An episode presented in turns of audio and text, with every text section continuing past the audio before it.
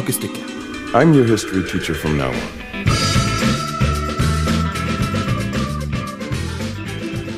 Du, eh, Johan. Ja, Andreas. Hva syns egentlig William Shakespeare om fotball? Jeg er litt usikker. Kanskje det var mer polo som var hans uh, greie? Ja, jeg er ganske sikker på at vi i hvert fall får svaret på det her i uh, din historiske halvtime på Gult kakestykke.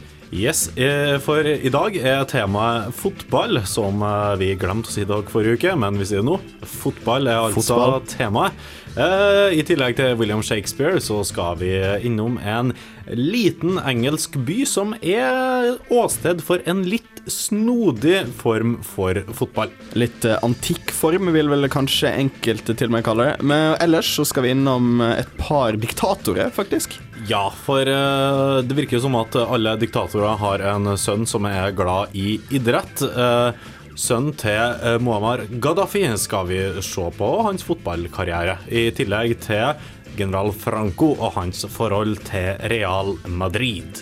Men før vi gjør det igjen, skal vi høre ukas låt her på Studentradioen i Bergen. Du får her Orbital med New France.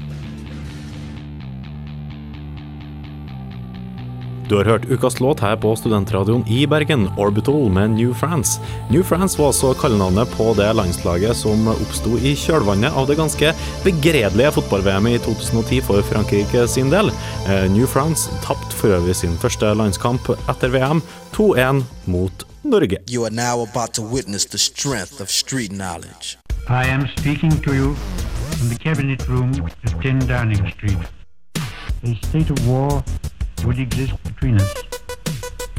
I have to tell you now, a state of war would exist between us. Hitler did not wait to hear comments on them. Finish it.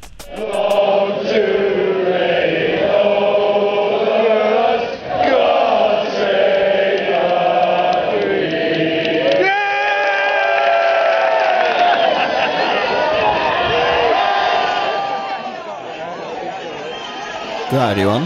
Der hørte du lyden av uh, noe veldig britisk. Og veldig rart.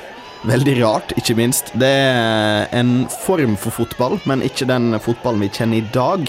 Uh, Dette er en kamp som blir spilt årlig uh, på feite tirsdag, altså like ved påsketider, i Ashburn. Og ja, det, det er på en måte Hva skal en si, da? Det, det ser egentlig mer ut som et opprør enn en fotballkamp. Er vel, uh, her det er da den dagen i året der alle, uh, i, alle menn i byen, uh, må kanskje presisere det, for det her er en ganske fysisk batalje. det er ingenting for damer, no offense, men det er såpass brutalt at det, du må ha litt muskler på kroppen for det her. For Ashbourne med sine 10 000 innbyggere ca. De springer ut i gatene og har en fotballkamp. Alle er med alle er med. Det er Arbeiderpartipolitikk på sitt beste. Eh, og en av teoriene er at det oppsto med at eh, etter en avrettelse så ble et hode kasta ut i publikum i Ashburn, eh, og folk begynte å springe rundt og sparke på det.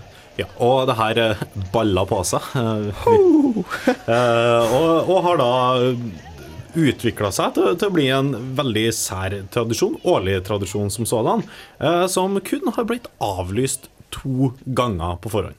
Ja, det var i, i 1968 og i 2003, og det, det er ikke pga. de tingene jeg vanligvis kan tenke seg. Så verdenskrigene, som, som har stoppa omtrent alt, Eh, det er dreita mi. Ja, Det er ikke så farlig, men munn- og klovsjukdom det er ikke jeg så veldig glad i i Storbritannia. Når du bor midt i England uh, og bor i Ashbourne, så er nok uh, kvegdrift noe av det viktigste. Og da skjønner jeg at munn- og klovsyke er ikke noe kult. Nei. Hvis vi går litt lenger tilbake i tiden, så er det en, en sport som nok har røtter til romerne.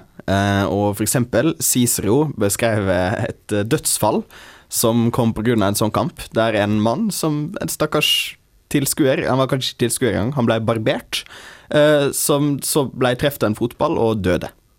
Ja. Mest sannsynligvis kutta strupen med, med, barberkniven eller et eller annet sånt, kan jeg tenke meg. Så moralen her er ikke spill fotball i gata utafor barbereren sitt eh, lokale? Nei, på ingen måte. Og eh, for, for du må spikre igjen vinduene, sånn de gjør i Ashbourne. for eksempel. Og det er en viktig del at de faktisk skal passe på at folk ikke, ikke uh, tar skade av denne kampen, rett og slett. Men Vi hørte i stad hvordan, eh, hvordan det høres ut når kampen starter. Men hvordan ser det her ut når tusenvis av menn klynger seg sammen for å kjempe om én ball? Nei, alle samles på den store markedsplassen. Eh, en, et høytstående medlem av samfunnet. Uh, gjerne lokalt, men òg så langt ut de kommer. Starter kampen ved å kaste en ball opp i lufta. Uh, hvorpå da eh, kampen fortoner seg om at den skal, den skal to lag skal komme seg til hver sin side av byen. Altså det er hele byen som bane. Ja, det er altså det er 4,5 km, ja, tre miles er jo ca. 4,5 km, mellom de to målene. Og Det ene er på en måte downards, med folk som er fra nedsida av elva. De skal spille mot Clifton. Og folk som er uppards, på oversida av elva, de skal spille mot Sturston. Og eh, kampen foregår da, går hele dagen. Fra det her blir kasta opp i lufta. Eh, og eh, avgjøres kun når ballen, den her lærkula med bark inni, sånn at det skal flyte, hvis det går i elva, og det gjør det alltid. En kamp avsluttes når den blir tappa tre ganger på eh, målet. Eh, Det må være viktig å presisere her, de kan ikke spille på natta, for etter klokka ti, da er det ikke lov. Da er det ikke lov. Og andre regler er f.eks. at du kan ikke ta med deg eh, ballen inn i en bil, eller putte den i en ryggsekk eller noe sånt. Eh, Du har ikke lov til å spille på kirkelig grunn, for det er ukristent. og du har ikke lov til å drepe folk og sånn. Nei, og, og det står i reglene også at unødvendig vold er sett ned på. Det, det er ikke noe som er gult eller rødt kort. Det er bare det, sånn det er ikke ulovlig. Det er jo sånn Ei, ei, ei, ei. Ro ned. Ja, og- og det der liker vi ikke. Du får lov, men vi liker det ikke. ja. Og det, da, det har jo da blitt sett litt ned på av, eh, av høyere klasse. Det er på en måte en klassisk eh, underklassesport det her. Og for eksempel da Shakespeare eh, brukte eh, um, Han brukte You Footballer i eh, King Lear som nedsendende uttrykk. Ellers har et par konger vært veldig imot det her. Eksempel Edvard 2., som syns eh, han, han forbød det å uh, Hustling of large balls allerede på 1300-tallet. Uh, Edvard 3. Han forbød det, fordi folk, han syntes at folk strengt tatt burde drive med bueskytting i stedet for fotball. Fordi de trengte bueskyttere i krigen. Eh, Men det ble da litt, eh, litt måtte, godkjent igjen da av kongefamilien da f.eks. Edvard 8. starta spillet i 1928. Eh, Hvorpå han, fikk, eh, han begynte å bli naseblod av de etterfølgende tumultene. Ja, for, for jeg har sett eh, opptak av hvordan det her spillet foregår, og det er jo ikke mye fotball inn i bildet. Det, det er stort sett dytting på hverandre. Noen har ballen enten i hendene eller ved foten, og så står de og sparker mot hverandre. Jeg, jeg regner med at benbruddstatistikken i Ashbourne flyr i været etter underveis i denne kampen. Mest sannsynligvis. Eh, en- kan i hvert fall se at de da samles i de store haugene, eh, som eh, gjerne i rugby kanskje blir kalt scrums. Ja, mens her kalles det litt koseligere hugs. Kos og hug. Og, men det er som sagt, jeg prøver å få så store personligheter som mulig til å starte. Eh, Og i 2003 for eksempel, så var det selveste Prince Charles som var the upturner, mannen som starta denne kampen.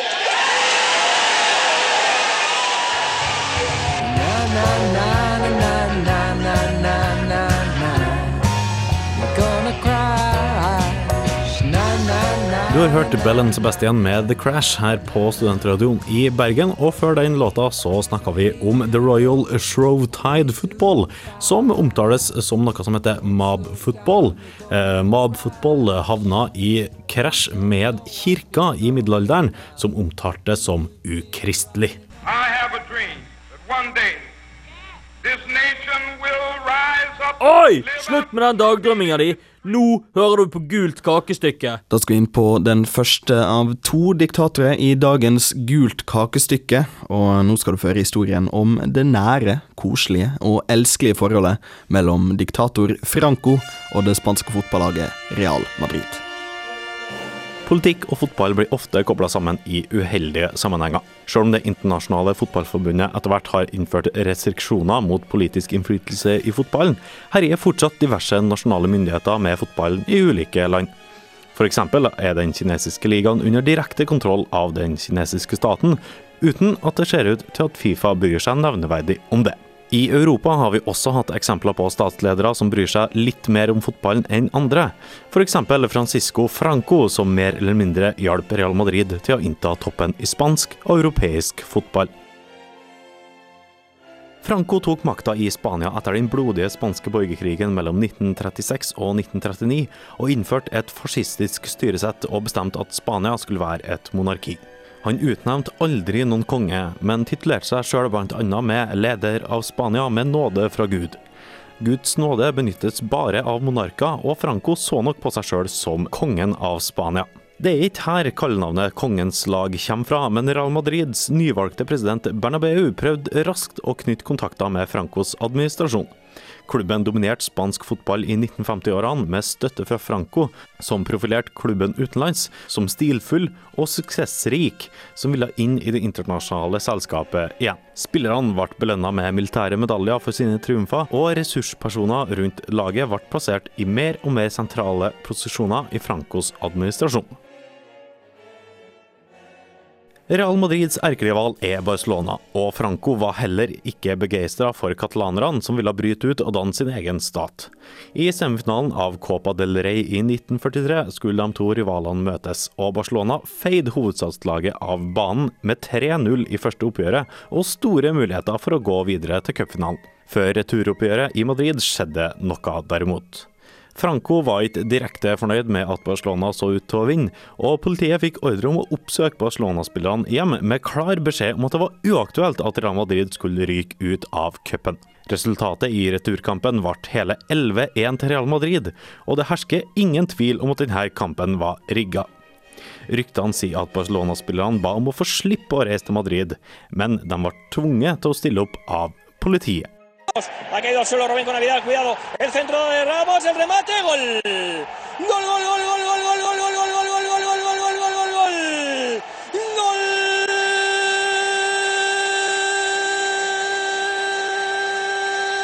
del Madrid. Franco fikk viljen sin i det aller meste, og Real Madrid profitterte stort på gode kontakter hos diktatoren. Blant annet fikk de, i motsetning til de andre klubbene i Spania, lov til å hente utenlandske spillere, som umiddelbart fikk spanske pass av myndighetene. Spillere som Ferenc Puskas fra Ungarn og Alfredo Di Stefano fra Argentina var med på å prege spansk og europeisk fotball i en årrekke med velsignelse fra Franco. Han mista ikke makta i Spania før ved sin død i 1975, og Real Madrid har fortsatt å prege fotballverden sjøl uten hjelpa fra den gale diktatoren.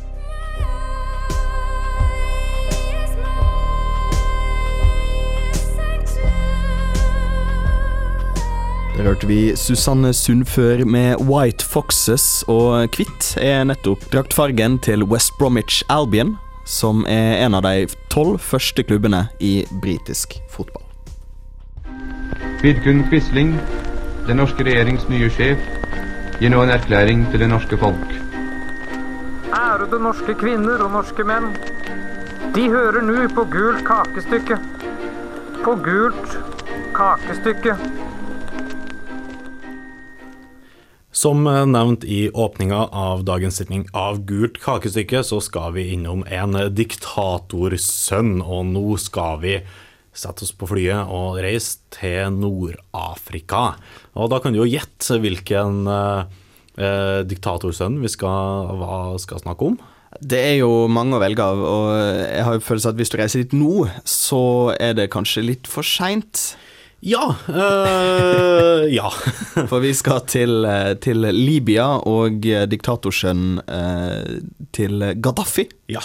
Det er den tredje sønnen hans, al-Sari Gaddafi. Eh, Han fikk derfor ikke noen av de viktigste posisjonene i militæret, og konsentrerte seg derfor om idrett og piker, vin og sang.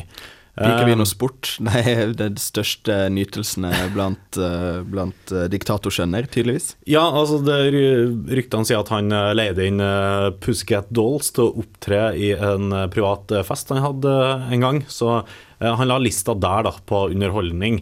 Men han var lidenskapelig opptatt av fotball, denne mannen. Kanskje var det derfor, i tillegg til en avtale han hadde med Fiat-eieren, at Muammar Gaddafi gikk inn og kjøpte 7,5% av aksjene i den italienske eh, gigantklubben Juventus. Det er en av verdens største klubber.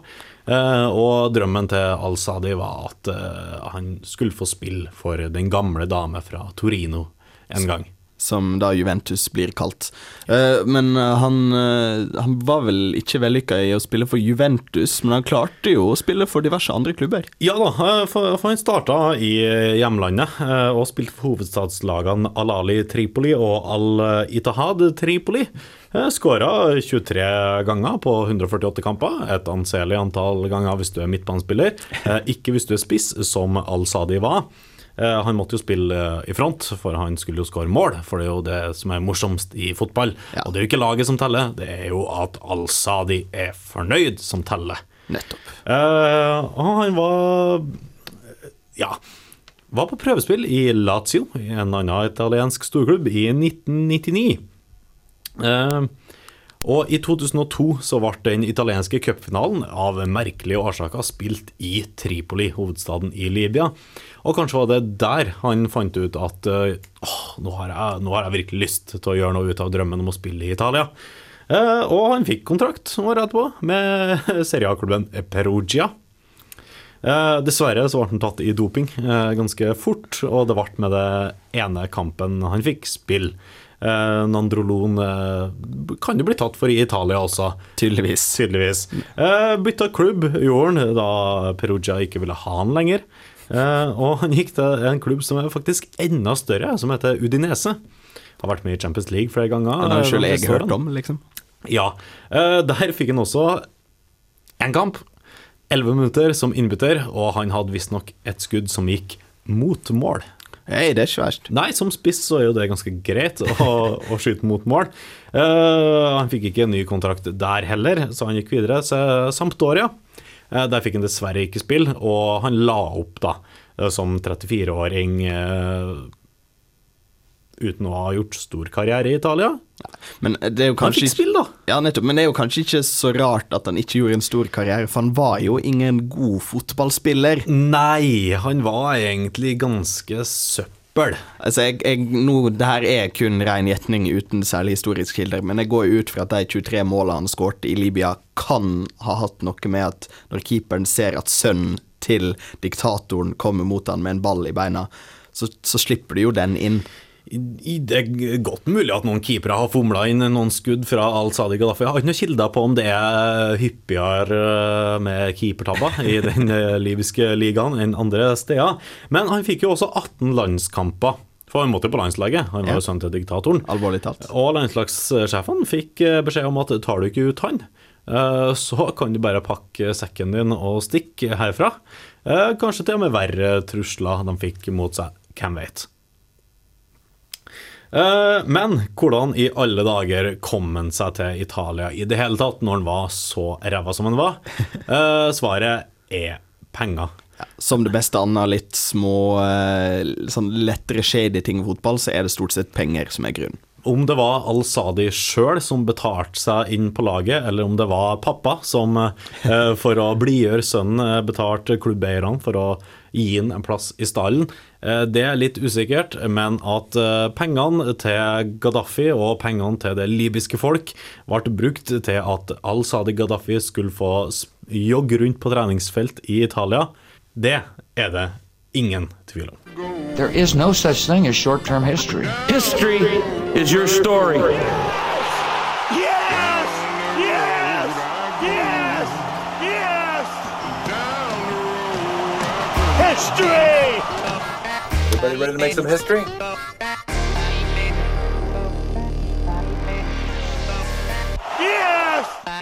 Det var det vi hadde her i Gult kakestykke i dag, og vi har vært gjennom en halvtime med diverse fotballrelaterte hendelser. Ja, eh, kanskje ikke det mest eh, Det som når eh, riksmediene oftest, men eh, det er jo derfor vi er, for å gi deg trivia som gjør deg interessant på forspill.